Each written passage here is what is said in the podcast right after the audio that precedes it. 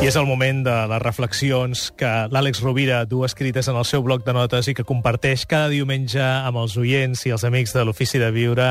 Àlex, molt bon dia. Bon dia, amic Gaspar. Sobre el tema d'avui, ens volies dir quatre reflexions que, de fet, no són ben bé teves eh? I, que, i que has après de, sí, senyor. de savis. De grans mestres, de grans sí. mestres, perquè es pot conciliar perfectament el fet eh, de tenir raó i, i, la, i la felicitat, i en aquest sentit eh, cal pensar en el pensament estoic i cal pensar, per exemple, eh, jo recomanaria avui, sobre el tema d'avui, clarament dos llibres, que són Les meditacions de Marc Aureli, que és una obra extraordinària, les meditacions de Marc Aureli, el manual de vida de Pictet, que és un llibre que ja hem recomanat en dues ocasions aquí a l'Ofici de Viure i que és, i que és eh, també un llibre molt bonic i que fa reflexionar molt i molt bé.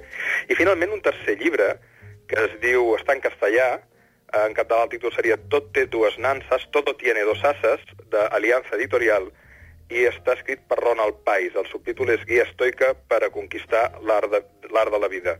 I sobre això, eh, precisament el primer capítol d'aquest llibre eh, es diu Raó i emoció, i comença amb una de les meditacions de Marc Aureli que diu el següent. Les coses no afecten l'ànima, sinó que romanen fora, immòbils, i les pertorbacions neixen només de l'opinió interior. El món és alteració, la vida, opinió.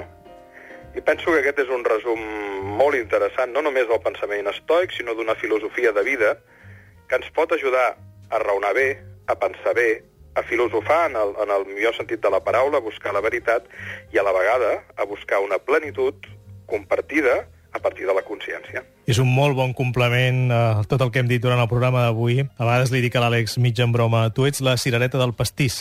I el pastís, però el pastís no seria el mateix sense la cirereta, no? Sense la cirera, vaja. I l'Àlex eh, fa que aquest pastís sigui molt més enriquidor i dolç i amable. Moltes gràcies, Àlex. Moltes gràcies, una abraçada. Una abraçada Fins diumenge.